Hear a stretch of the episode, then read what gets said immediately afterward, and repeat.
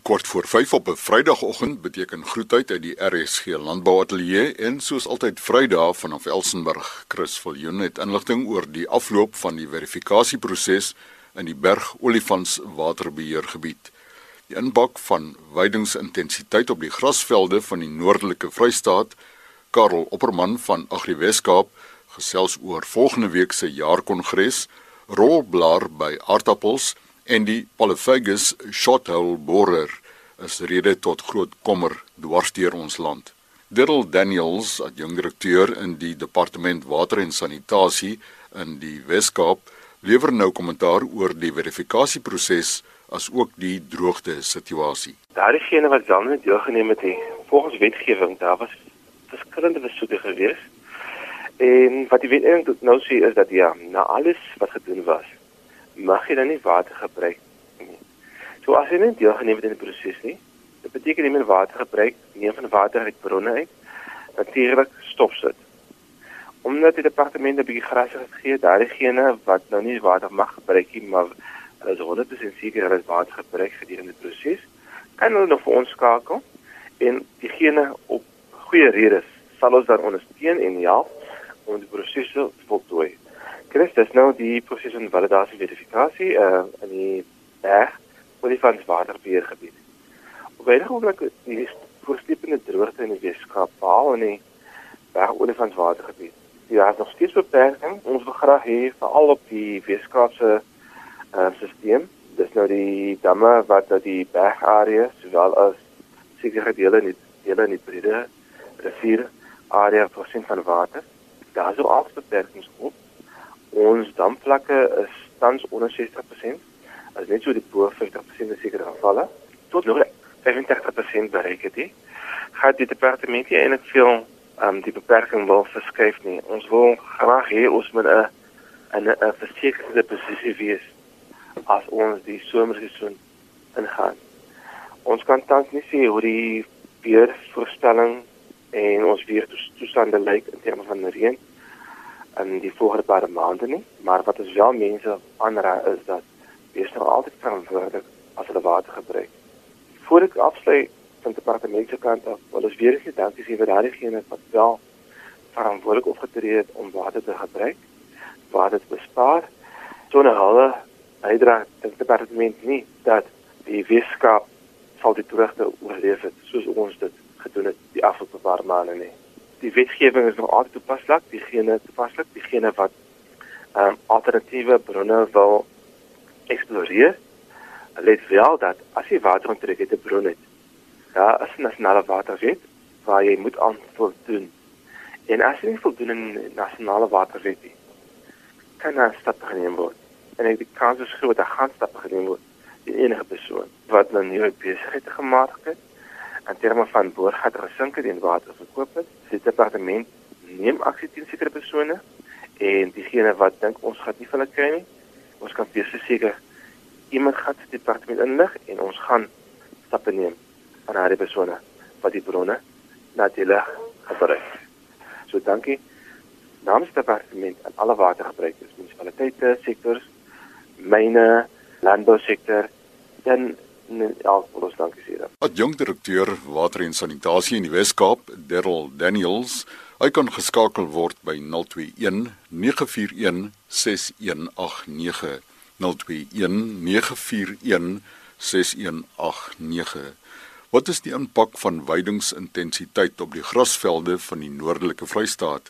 M-student aan die Nelson Mandela Universiteit George Campus, GS Botha gesels. Ons kyk ook na die grondtoestande as gevolg van hierdie hoë druk beweiding. Ons toets dit met 'n stelsel waar ons 18 4 hektaar kampe het. Hierdie kampe word blootgestel aan een van drie beweidingsmetodes. Die metodes is geen beweiding, lae druk beweiding wat vir 14 dae is en hoë druk beweiding wat ongeveer 5 dae is. Die metode simuleer die migrasie van hoe diere natuurlik sou gewei het uit waar die herbivore al die veiding se opgeëet het en dan so aanbeweeg het na die volgende area. Dit is gebaseer op die savory grazing se metodes. So die metodes wat ons gebruik is ons meet die diversiteit van die plante deur die 3 350 meter transekte in elke kamp te maak en elke meter die spesies wat daar voorkom op te neem. Ons bereken dan ook die droë massa veiding wat beskikbaar is in elke kamp. Ons meet dan ook die waterhou vermoë en die grondkompaksie. Die grondvrugbaarheid van die bo en die ondergrond word dan ook getoets. Die doelwitte wat ons hiermee wil bereik, so ons doelwit is om te bepaal wat die impak van hierdie hoë drukbeweiding is op die grasvelde van die noordelike Vrystaat en dan hierdie resultate kan help bepaal wat die optimale manier van veebeweiding is vir hierdie veld. Vir enige navraag, my e-mailadres is gsbota32@gmail.com. gsbota32@gmail.com Dit is die e-posadres van GS Botha van die Nelson Mandela Universiteit se George Campus. Dan volgende week is 'n belangrike datum vir Agri Weskaap. Uitvoerende hoof Karel Opperman. Eerskomende donderdag is dit weer Agri Weskaap se algemene jaarkongres en in die tyd waarin die landbou homself tans bevind, is dit nodig om van tyd tot tyd ander perspektiewe te kry op die uitdagings wat 'n invloed kan hê op die produsent se volhoubaarheid. Ons kongrestemas fokus dan ook vanjaar op die balans tussen uitdagings en volhoubaarheid. Agri Weskaap is gelukkig om soos in die verlede weer baie kundige sprekers te hê om ons hiermee te help. Die politieke kommentator Judith February is 'n senior navorsingsgenoot by IDASA en een van haar fokuspunte is die uitwerking van korrupsie op regering. Sy gaan by die kongres met ons gesels oor landbou te midde van die sosio-politiese uitdagings waarmee die land te kamp het. Chris ons het die afgelope paar jaar te weer bewus geraak van die klimaatsverandering en dan is dit 'n realiteit is wat in die toekoms bestuur moet word. Professor Mike Miller van Wits se Besigheidsskool was die voorsitter van die Wêreldekonomiese Forum se raad oor water en was ook mede-voorsitter tydens die samesprekings oor die water met Mosambiek en Swaziland. As oud direkteur-generaal van die departement van waterwese is hy uiters kundig en sien ons uit na sy bydrae by ons kongres. Professor Janie Rousseau is die hoof van ekonomiese en sakewetenskappe by Wits sedert sy aftrede as adjunk hoofbestuurder van die Suid-Afrikaanse Reserwebank. Sy mening oor die ekonomie en die politieke ontwikkeling in Suid-Afrika is wel bekend en ons glo hy gaan baie waarde toevoeg met sy aanbieding oor die landbou binne die huidige klimaat van beleidsonsekerheid. Tussen die lig van die onteiening sonder vergoeding het ons die president van die World Farmers Organization Dr. Theo de Jager gevra om met ons te kom gesels oor hoe eienaarskap in ander lande hanteer en bestuur word. Ek wil ook graag van hierdie geleentheid gebruik maak om ons borgers te bedank as ons leale vennote in ons strewe na volhoubaarheid te midde van uitdagings het ons ook 'n groot waardering vir hulle bydrae. Die uitvoerende hoof van Agri Weskaap, Karel Opperman rolblaar by aardappels. Ons steek kers op by Ronel Roberts, navorser by LNR Plantbeskerming. Rolblaar van aardappel is een van die belangrikste virale siektes van aardappels wat die bedryf in die gesig staar. Die mees kenmerkende eienskap van hierdie siekte is die omkrul van die blare. Ander simptome waarmee hierdie siekte uitgeken kan word, is vergeling en verrooiing van die blare wat 'n leeragtige gevoel aanneem. Geïnfekteerde plante bly gedwerg maar die belangrikste simptoom is natuurlik die invloed van hierdie siekte op die opbrengs. Nekroonse kom voor op geïnfekteerde aardappels en opbrengs kan met tot 50% afneem. Die virus geassosieer met hierdie siekte is bekend as potato leaf roll virus en word deur plantluise oorgedra. Plantluise kan binne enkele minute die virus vanaf die geïnfekteerde plant opneem en bly infektief vir die dier van sy lewe.